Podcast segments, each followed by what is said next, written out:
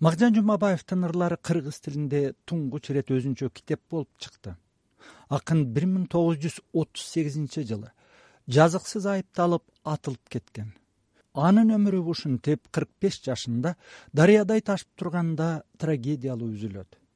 Жазыксыз айыпталган акын бир миң тогуз жүз алтымышынчы жылы акталганы менен чыгармалары казак тилинде бир миң тогуз жүз сексен тогузунчу жылы гана өзүнчө китеп болуп чыгат болбосо макжан жумабаевдин алгачкы ырлар жыйнагы бир миң тогуз жүз он экинчи жылы удаа казан жана урал шаарларында басылган.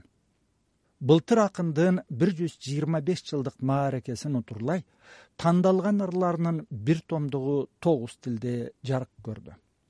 Кыргыз тилиндеги китеби арыстан айбат деп аталат.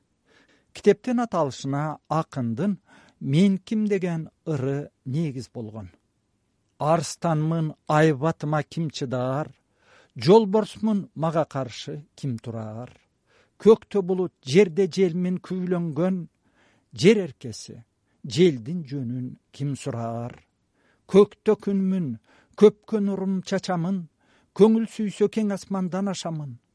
Чети түбү жок деңизмин кара көк эригемин толкуп чалкып ташамын өзүм теңир табынамын өзүмө.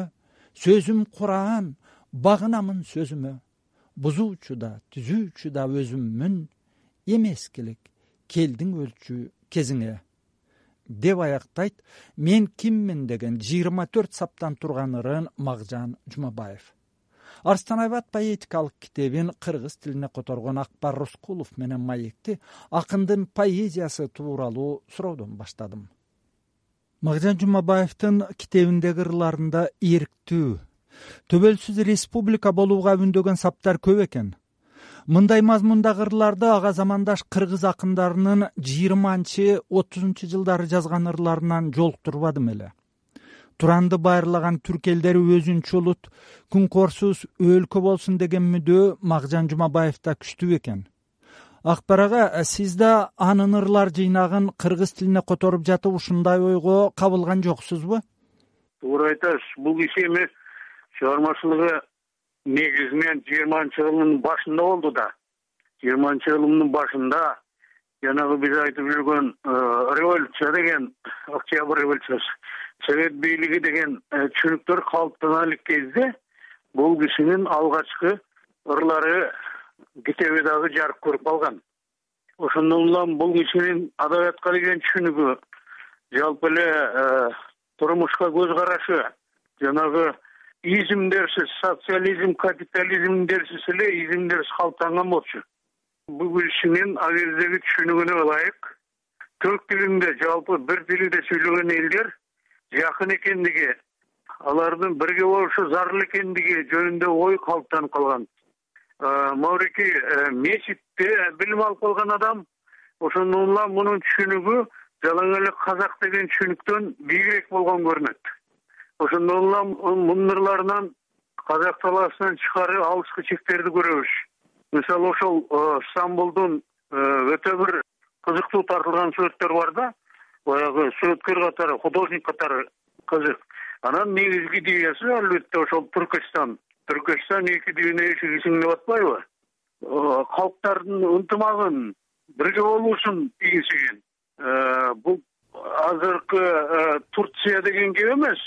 Андан кененирээк аймактардагы э, элдердин жактан биримдигин жана келечек максаттары бирдей болоорун ушуну көксөгөн адам экен. Дал ошол оюнан кайткан эмес. Ооба туран деген сөздөр анан кийин эң немеси түркистан деген түшүнүгү. Бул кишинин өмүр бою кеткен эмес. Совет бийлиги келген кезде дагы бул ошол оюнан тайбаса керек. Себеби совет кезинде да жазган ырларында ушундай саптар бар. Жанагы бир ырын ата түрккө арнаган ошого жиберген деп дагы айтышат. Айтору бул кишинин ойлоосунда эркиндик чектелүү жок. Жанагы жасалма изимдер реализм социализм дегендер жок кезде калыптанган акын жана ошол өзүнүн кенен өмүрүнүн акырына чейин андан тайган эмес.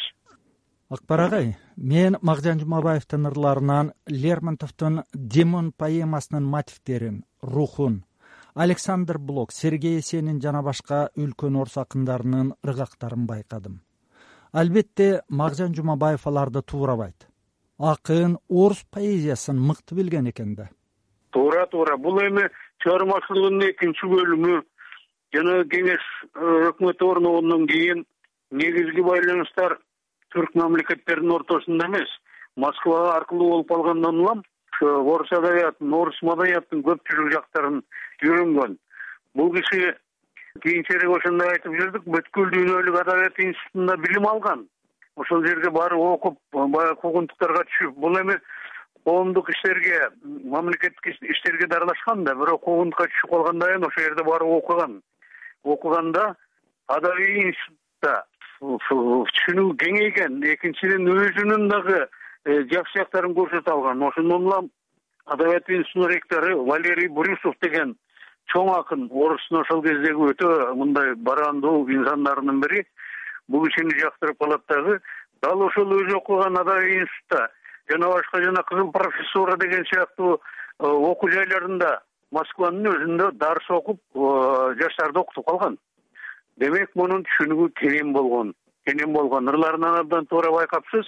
Сиздин колуңузга кайсы китеп тийгенин билбейм. Менин котормомдо дагы бир эки китеп жарык көрдү эми ар кандай форматтарда. Бирөө толук жарык көргөнү ошол арыстан айбат деп аталат. Мен арыстан айбатты окудум. Арыстан айбатты анда жакшы ошондо эмне үчүн арыстан айбат деп атадым десеңиз бул кишинин ырларында ушул образ арстандын образы көп кездешет экен. Арыстандай айбаттуу жолборстой кайраттуу мен жаштарга ишенем деп атпайбы?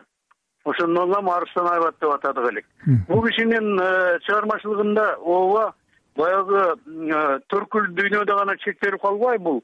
Дүйнөлүк адабияттын эң мыкты үлгүлөрүн окуган. Орус тили аркылуу чет элдик адабияттын үлгүлөрүн окуганы дагы даана байкалып турат акбар агай э, мағжан жумабаев менен замандаш касым тыныстанов аалы токомбаевдин ырларында атеизмдик маанай көбүрөөктөй сезилет мага. А мағжан жумабаев өз ырларында теңирди көп оозанат экен. Эң туура айтып атасыз жанагы арыстан айбат деп атканыбыз бекеринен эмес бул киши өзүнүн көкүрөгүндө эмне болсо ошону ак кагазга тартынбай түшүргөн экен. Жанагы айдатыңды сарсенбай деген бир бар. Анда ал айтып атат айдатыңды сарсенбай ушул айыл жака кетели дейт. Могу калаада эмне бар? Калаада деген абдан бузулду калаа деген болбой турган болуп калды эркектери андай аялдары мындай деп жанагы моралдык немелерге чейин кирет дагы шаштырып атат арабакешти айдачы атыңды айылга жетелик кең даланын абасынан дем алалык деп атат да мындай ырларды жазганда албетте өтө коркунучтуу болчу мына кыргыз адабиятында мынчалык ачык жазган саптарды мен байкай албадым чынымды айтайын албетте бар ар ким өзүнүн заманына жараша ыр жазышты бирок дагы моундай ачык өзүнүн оюн жашырбай айткан ушулар э, экинчиден айткан дагы эмес. Себеби бул кишинин ырларынан бир совет бийлиги деген сөздү көрбөдүм демек ага анча ынаган эмес өзүнүн жан дүйнөсүнө көркөм дүйнөсүнө түшүнүгүнө дүйнөгө көз карашына жанагыдай изимдер ынаган эмес да. Ошондон улам бул киши өмүрүндө төрт жолу соттолгон үч жолу түрмөгө жатып чыккан.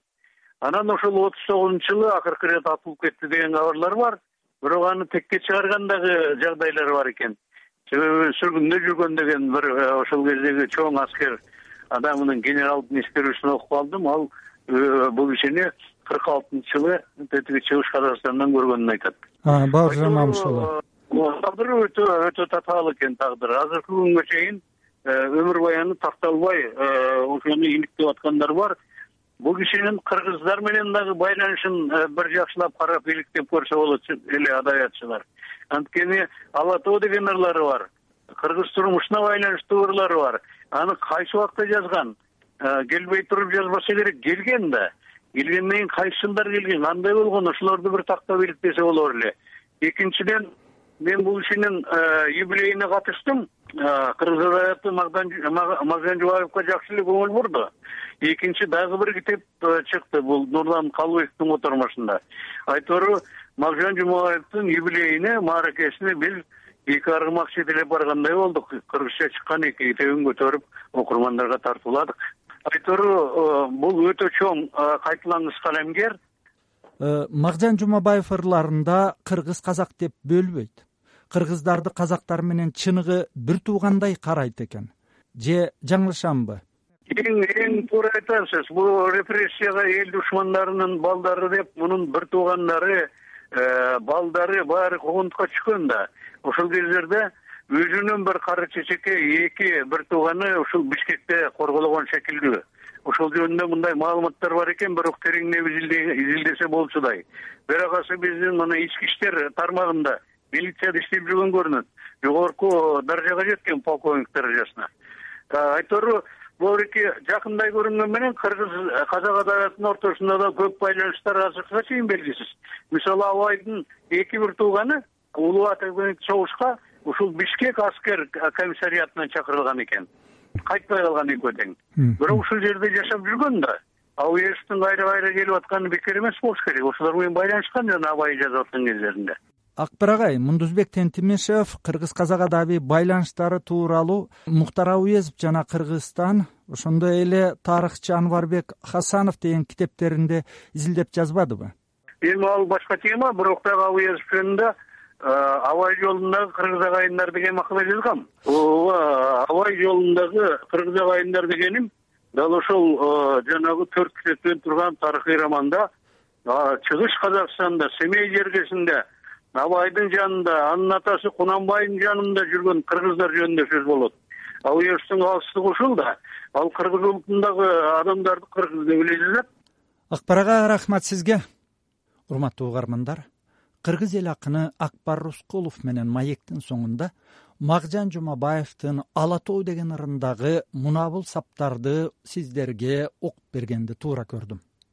Тармал көкүл ала тоо тарам тарам жал бекен карасам көзүм тала тоо кыяңа аскар ала тоо бөлөк бөлөк бала тоо этекте чөккөн нар бекен көркөмү сулуу ала тоо көухардан тизген кал бекен